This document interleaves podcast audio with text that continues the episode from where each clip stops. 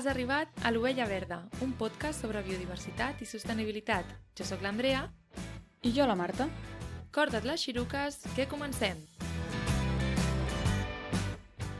Aquest podcast pertany a la xarxa de podcast de ciència i medi ambient Podcastidae.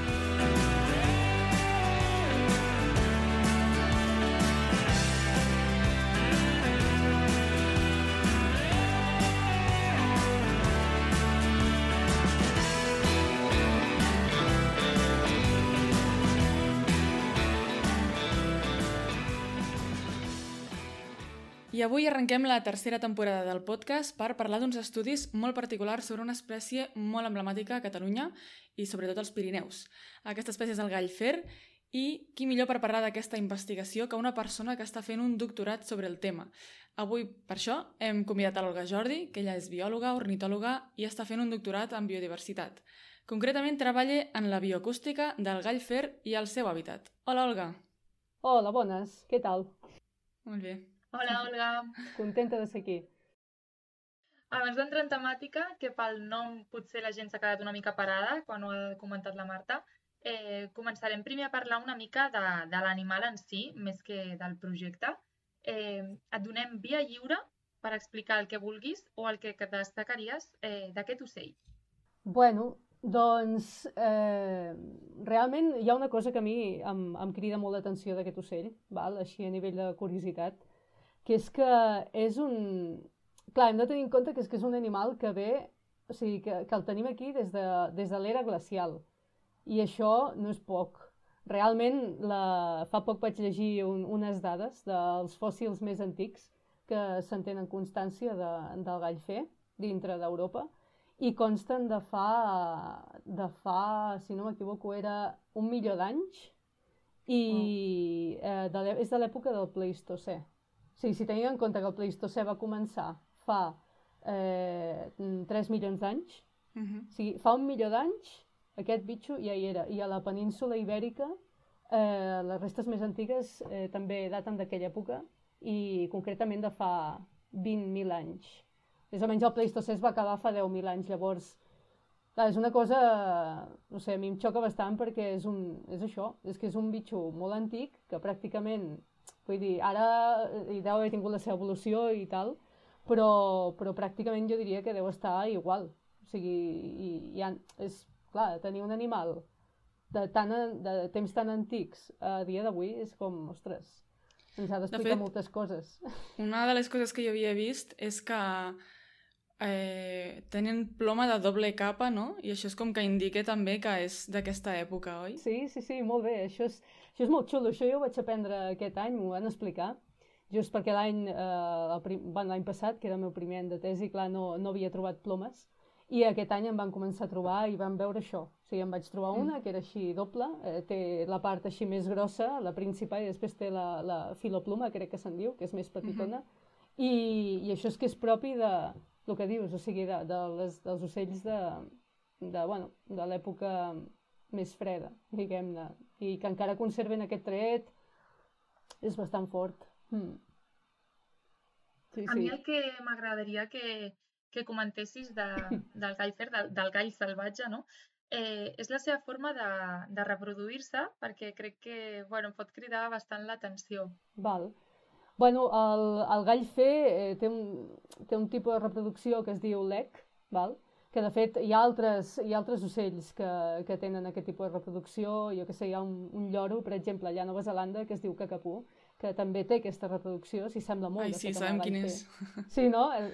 Sí. és molt, molt mític, el documental del cacapú, si no l'heu sí. vist, l'heu de mirar, molt Ai, Jo no, eh? No? Un ocell així doncs... com grosset i de color verd, no? Que va sí, caminant sí, sí. Molt, de forma molt és... graciosa és el lloro més gran que existeix, el més gordo i no vola, de tan sí. gordito que és. És molt graciós. Ostres! Doncs aquest també té reproducció lec i hi ha d'altres ocells, que no fa falta que siguin ni lloros ni tetraònits eh, perquè tinguin reproducció lec. I al final, bueno, l'exemple del gall, per exemple, és que eh, tenim... Eh, més o menys ens situem, en el cas del gall, en aquí, a eh, boscos de pi negre, a uns 2.000 metres d'alçada, entre jo què sé, 1.900 i 2.300. Eh, llavors, eh, diguem-ne que en aquestes zones el gall en època de reproducció, que seria la primavera, eh, s'ajunten diversos mascles, agafen i van tots cap a, cap a les zones aquestes, val? que seria com... En realitat, un mascle, eh, mm, si considerem que aquestes zones, que en direm cantaders, tenen, almenys les zones on jo treballo, entre 6 hectàrees i 25, eh, mm. la zona activa del gall, eh, la resta de l'any, eh, pot arribar a ser més, depenent de quins moviments facin. És a dir, això és com una petita zona. Val? Llavors, a la primavera es concentren tots els mascles allà, les femelles també, i, bueno, eh, ens hem d'imaginar que els mascles hi ha de més dominància i menys dominància. Val? Hi ha el mascle, el, el mascle dominant i després, eh, bueno, mm, en trobem de menys dominants cada vegada. I, la, bueno, fan com, fan el seu display. El display vol dir que eh, comencen a cantar, és com, eh, ho, ho donen tot per impressionar les femelles. Comencen a cantar, obren la cua, Clar, el cant comença a les 4 del matí, més o menys 4 o 5, i no acaba fins a les 10 del matí. Yeah. Llavors, eh, durant aquest, aquestes hores ho donen tot, canten, canten, i llavors s'inflen molt, a vegades eh, es barallen entre ells, perquè dintre de les baralles també moltes vegades intenten guanyar terreny a l'altre, i, mm. bueno, clar, el més dominant serà el que millor canti, el que millor aspecte tingui una mica, no? el que més aguanti i, eh, i el que més terreny domini, no? I mm. llavors... Estan una mica tontos, aquell, en aquell, m'han dit que estan, o sigui, que es deixen veure més o alguna, bueno, o que... Mm, no és que es deixin no veure... Sé, quan estan zel... Bueno, el problema que tenen... O sigui, o són molt agressius, no ho sé. Eh, no, més que tontos i que es deixin veure, o sigui, tu...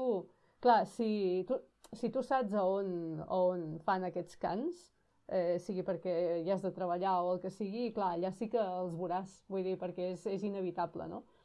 Però, mm, però bueno, mm, clar, ells van allà eh, i, i s'exposen bastant. Sí que és un moment així com molt delicat del seu cicle, perquè és un moment en, en el qual s'exposen, gasten molta energia cantant mm. i fent tot aquest display, les femelles, pues, eh, clar, diuen, ostres, aquest m'agrada més, vinga, vaig cap a aquest, no? hi ha les còpules i tal, i a banda hi ha una cosa molt curiosa, que és que, clar, quan el gall canta, canta tan fort que, que bueno, o sigui, hem de pensar que eh, part de les seves freqüències nosaltres no les sentim.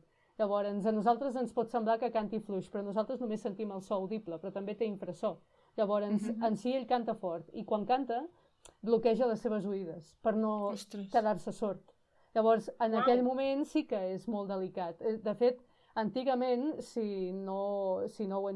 Bueno, si eh, les històries que m'explicaven eren certes, doncs la gent els caçava aprofitant quan cantaven, precisament per això, perquè no els sentien. Llavors, clar, eh, és, és un moment delicat per això, perquè és molta energia que inverteixen, s'autoensordeixen, no? És com una mica la brama del cèrvol, que n'hi ha molts que s'hi queden pel camí, sí. doncs el mateix.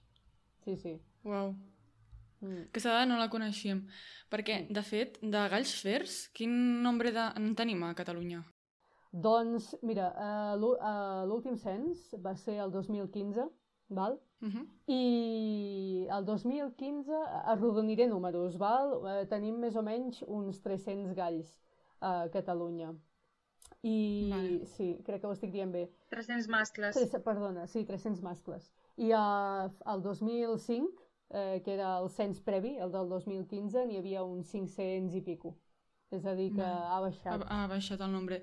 I sí. perquè ens fem una idea, 300 és molt, és poc? Quan és això? Clar, a veure... Eh, jo diria que és poc, jo diria que n'hi podria haver més. Clar, això és difícil de dir també, perquè tampoc hi ha més dades, saps? Dades uh -huh. eh, més antigues que això és difícil trobar-les. Llavors, clar, dius, com estàvem abans, no? Eh, quina és uh, uh -huh. la mida efectiva? Eh, yeah. eh, no no t'ho sabria dir. Però, Però jo, so home... Sobretot, bueno, sí. la dada aquesta que m'està explicant, que el 2005 n'hi havia més de 500 i el 2015 sí. ja estem parlant d'uns 300, 300, això indica una gran davallada. Per tant, el, el, a l'estat de conservació està en perill d'extinció el gallfer? a Catalunya? Sí, el tenim... Ara fa poc va passar a ser catalogat com en perill d'extinció, eh, segons catàleg de fauna amenaçada a Catalunya, i, mm -hmm. i bueno, és, és una catalogació bastant recent, havia estat durant molt de temps en estat vulnerable, però sí, ara ja el tenim en perill. Mm. Sí, sí. Bueno, doncs entrant en un, potser en una temàtica més alegre, eh, què, en què treballes eh, en el teu doctorat? Bueno, doncs jo bàsicament el que faig és... Bueno, mm, tinc dos parts, diguem-ne. Una que és de millora de la monitorització i l'altra de eh, coneixement de, de l'hàbitat en funció de la, de, bueno, de l'acústica, que, de, bueno, la seva acústica. O sigui, la primera part, diguem-ne, jo el que faig és gravo els galls i en caracteritzo, els caracteritzo individualment, els mascles, que són els que canten, val? Els caracteritzo individualment a partir de la seva veu. Llavors, això, la idea final seria una mica l'ajudar, no? si, si jo eh, bueno, quan acabem de crear el model aquest individual, això es podria programar perquè fos automàtic, no? amb, amb codi i tot això. I la idea final seria doncs, aplicar-ho a altres tipus de micròfons i fer com un seguiment més exhaustiu no? a nivell individual. Ja no només per millorar els censos eh, de mascles, perquè clar, hem de tenir en compte que fins ara els censos sempre s'han fet tu estàs, vas enmig del bosc, eh, vas, jo què sé, cinc persones, um, en cinc heights diferents, separats, i llavors aquelles persones passen una nit allà, escolten quants galls hi ha i els compten. Val? Mm. Però si considerem que més o menys eh, l'oïda humana no arriba més enllà de 100 metres amb, amb, amb el cant del gall, val? que no l'escoltes més enllà de 100 metres i a vegades una mica menys, doncs clar, eh, si ens basem en l'oïda, a vegades potser tindríem infraestimacions de, dels resultats. Llavors, si això podem fer el mateix sense presència humana, posant micròfons i que a més a més t'individualitzi els galls i puguis fer seguiment, jo que sé, durant diversos dies, de dir, a veure, jo que sé, el gall, eh, en Gavi com es mou, en Serrallonga mm -hmm. com es mou, no? Els noms de... Aquests són noms reals de galls que tenim aquí a Catalunya? Sí, sí, sí. Okay, com, com? En Gavi no, en Serrallonga. Realment existeixen aquests galls? Es diuen així? I, sí, bueno, la cosa és que uh, jo aquest any estic estudiant cinc galls en concret, val? i els vam batejar. Eh, això va ser idea d'una amiga meva d'aquí del Pallars, la, la Meritxell, la que porta Natura Llibres, i, i bueno, és eh, una persona molt, molt literària. Quina gràcia. me'ls me va, me va batejar tots, eh, perquè així, bueno, diguem-ne que els, tens una relació com més estreta, no? I en Gavi i en Serrallón, sí. que són dos galls en particular que els hi tenim molta estima, aquí de, del Pallars. Sí. Sí, sí, sí, sí, sí. I llavors, quan, quan vas al camp, sí. eh, en què consisteix la teva feina? És a dir, eh, poses una gravadora i, mm. i suposo que estàs allà, no?, també, durant, durant sí, les, el bueno, temps... A, a la primera part aquesta que us he dit, per exemple, per estudiar a nivell individual el cant del gall, doncs eh, el que fas, bueno, el que he fet fins ara sempre és o sola o acompanyada, no? perquè sempre va bé tenir un micròfon de suport, doncs mm, vas als boscos de Pi Negre, amb el Hyde, que és una tenda de campanya de camuflatge. Vas caminant eh, fins a, al lloc on et pertoca, 2.000 i pico metres d'alçada. Poses el Hyde allà i entres a, més o menys a les 5-6 de la tarda, entres a dintre del Hyde. I no en pots sortir fins a, al migdia del dia següent. Perquè, clar, o sigui, hem de pensar que els galls el que fan és que a mitja tarda comencen a arribar, però ells no et poden veure, no?, mentre estàs allà, perquè és una espècie tan, tan sensible que, que de seguida ja els, els molestaríem si ens detectessin. Llavors hem de ser com molt sigilosos.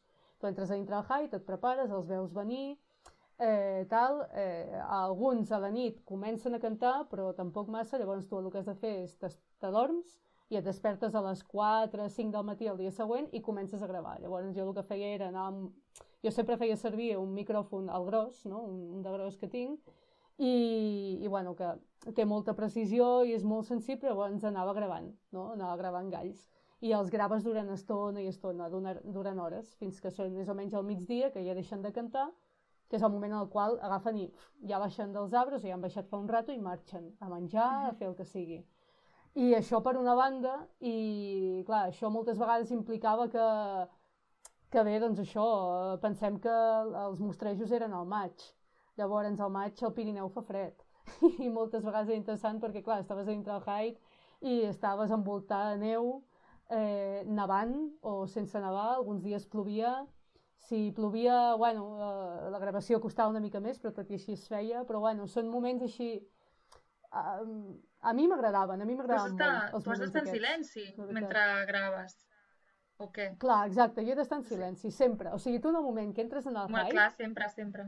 has de callar. O sigui, no... De fet, si quan hi havia la persona de Poi, eh, tu eh, parlaves amb el WhatsApp de si hi havia algun problema i si tenies cobertura, pues agafaves i enviaves eh, i tal. Moltes vegades no hi havia cobertura, per no dir quasi mai.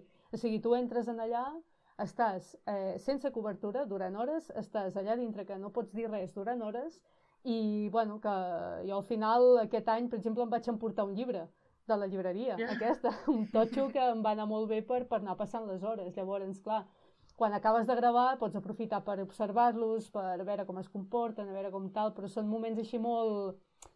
Bueno, a, a mi m'agraden molt aquests moments, així molt de silenci, la presència del gall, moltes hores, eh, estant tu al gall amb tu mateix.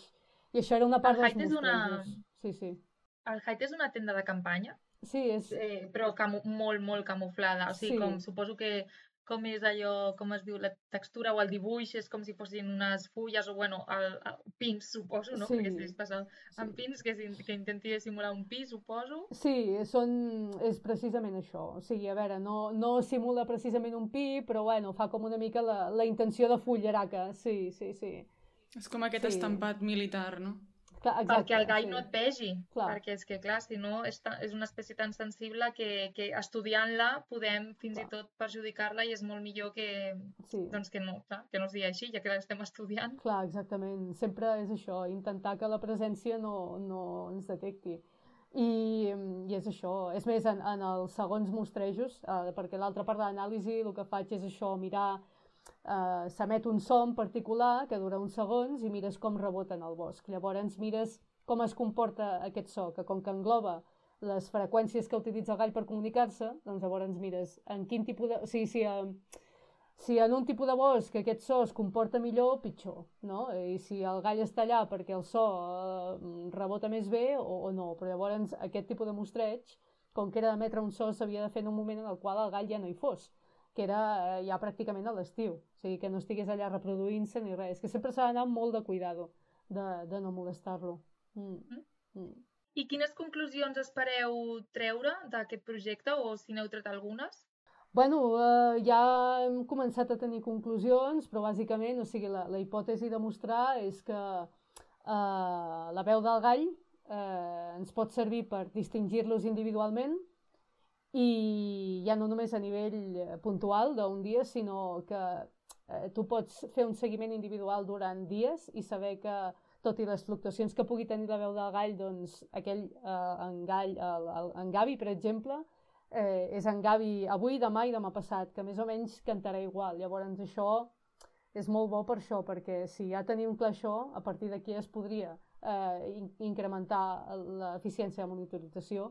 Això és una conclusió i l'altra, que hi estem treballant, doncs és que, que això, que el gall a veure, com, a veure si fa com una certa selecció de l'hàbitat en funció de, de si el seu so es, es mm, propaga millor en unes zones que en unes altres. Llavors això potser ens podria facilitar fer un tipus de gestió forestal més enfocada a millorar la comunicació, que en altres països de fet es fa. O sigui, es fa gestió forestal per millorar la comunicació dels animals i, i tal, i es veu que funciona. Clar. I llavors, perquè clar, hem de pensar que si un animal no es pot comunicar, abandonarà la zona. Llavors, clar, mm, és això. Ens comentaves que el gall fer és una espècie molt sensible. Quines són les amenaces que té? Bueno, eh, realment en té moltes. O sigui, jo crec que el gall... Eh, hi ha una cosa que és bàsica, val? jo cre crec, eh? O sigui, que és que, con- considerant que és un bitxo que ve de l'era glacial, és a dir, que ve d'una època a la qual feia bastant de fred, eh, clar, amb el tema de com ha anat canviant el clima, eh, hi ha hagut una regressió del gall. Val? S'ha anat, bueno, va, es va situant més en zones fredes. Si aquí eh, ens va augmentant la calor, doncs clar, hi haurà zones que eh, l'hàbitat canvia, tot canvia, eh, les dinàmiques de les espècies canvien i el gall també. El gall se'n va a unes altres zones. Llavors, tinguent de base això, hem de pensar que el gall ja està, bueno, ja és delicat per ser. Val? Llavors, això li hem de sumar, jo que sé, per exemple, la presència d'ungulats, eh, cèrvols, cabirols, el que sigui. Si n'hi ha molts, o sigui, està bé que n'hi hagi, perquè es mengen una mica sotabosc, bueno, i, i conviuen i tal, però si n'hi ha masses, destrueixen el sotabosc. I el sotabosc de neretina viu és, és bàsic per la supervivència de, del gall. És el jo seu sé, aliment. també... Sí, exactament, és el seu aliment. Ells s'alimenten de, per exemple, quan són, eh, quan, quan són adults o en qualsevol etapa de la vida s'alimenten molt del naviu, val? Mm -hmm. i quan són pollets eh, s'alimenten també dels insectes que viuen al naret. Necessiten com més aport proteic. Ah, llavors, clar, si els hi traiem això, també els hi traiem la protecció, eh, enfront de, jo que sé, un estó que passi per allà que se'l vulgui cruspir. També hi ha molts problemes amb els mamífers, tipus, jo que sé, Marta, Janeta, pf, els que siguin, que es mengen els pollets i els ous. Eh, bueno, una mica tot això. Presència humana, també. Eh, és el que dèiem, que és un animal que necessita molta tranquil·litat i, i bueno, clar, si per allà, jo que sé, passa algú caminant o el que sigui, eh, pues no, no li és bo, no? Mm. Pot, pertur pot Què hauria de fer, suposo? O sigui... Una persona Perdó, que... a veure, per donar un missatge, suposo, a la gent que ens està escoltant, primer, Mm. suposo que dir que no passa res eh, si mai veiem un gall fer, no? que no cal anar a buscar-lo, perquè, clar, parlar de, del gall fer Sí, suposa que la gent... O sigui, nosaltres el que estem fent és donar-lo a conèixer clar. i la gent tindrà ganes de- d'anar-lo a veure, perquè posarem potser una fotografia per ensenyar què és el gall fer, perquè hem dit que és un ocell, però la gent que no, que no recordi ben bé el que és un gall fer, doncs eh, posarem la fotografia. Eh, però clar, això dona peu a que la gent ho vulgui anar a veure i suposo que hem, un, hem de donar un missatge des d'aquí de, de responsabilitat Sí. i de bons hàbits. Eh, què voldries dir? Bueno, voldria dir el que, el que sempre dic, que al final eh, jo mateixa abans de començar la feina que estic fent pensava això, pensava, val, sí, eh, m'encantaria veure el gall alguna vegada a la vida, però si no, o sigui, no l'aniré a buscar. Si no és treballant, no, no se m'acudiria el anar-lo a buscar, perquè precisament això, hi ha coses que eh, bueno, és una mica romàntic dir-ho així, però hi ha coses que si te les estimes les has de deixar, les has de deixar anar, no, no, no les pots anar a buscar, no les pots atabalar. Llavors ens hem de tenir molt present això, que, que a no ser que estiguis treballant-hi amb, amb aquest animal, el millor per ell és que no, no, no el veiem, que no l'anem a buscar, perquè és un animal que, que, no, que no ho necessita, que li és dolent això. Llavors, mm, bàsicament això, que la responsabilitat sigui aquesta, de dir, bueno, si estàs caminant pel bosc i per lo que sigui te'n trobes un, eh, no t'hi acostis, deixa'l estar, deixa'l que marxi, és més, jo optaria per agafar i girar cua, perquè el gall, jo que sé, no s'atabali o el que sigui, i si no te'l trobes no el vagis a buscar, precisament per això, perquè si, si t'estimes aquest, aquestes espècies, no, saps que el millor és que no, és que les deixis tranquil·les. Mm. Clar. És el millor que pot fer. Doncs, doncs, Olga, amb aquest últim missatge, jo crec, de responsabilitat, em sembla que ho podem deixar aquí, perquè així ens n'anem amb aquesta idea ja, i tanquem, tanquem l'episodi d'avui. Molt. Um, moltes gràcies per explicar-nos tot el que ens has explicat. Hem après moltíssim, ens encanta l'estudi que estàs fent i, i tot el teu treball. I, i bé, esperem escoltar-nos a la següent. Molt bé, doncs moltes gràcies a vosaltres i, i un plaer. Gràcies. Adéu.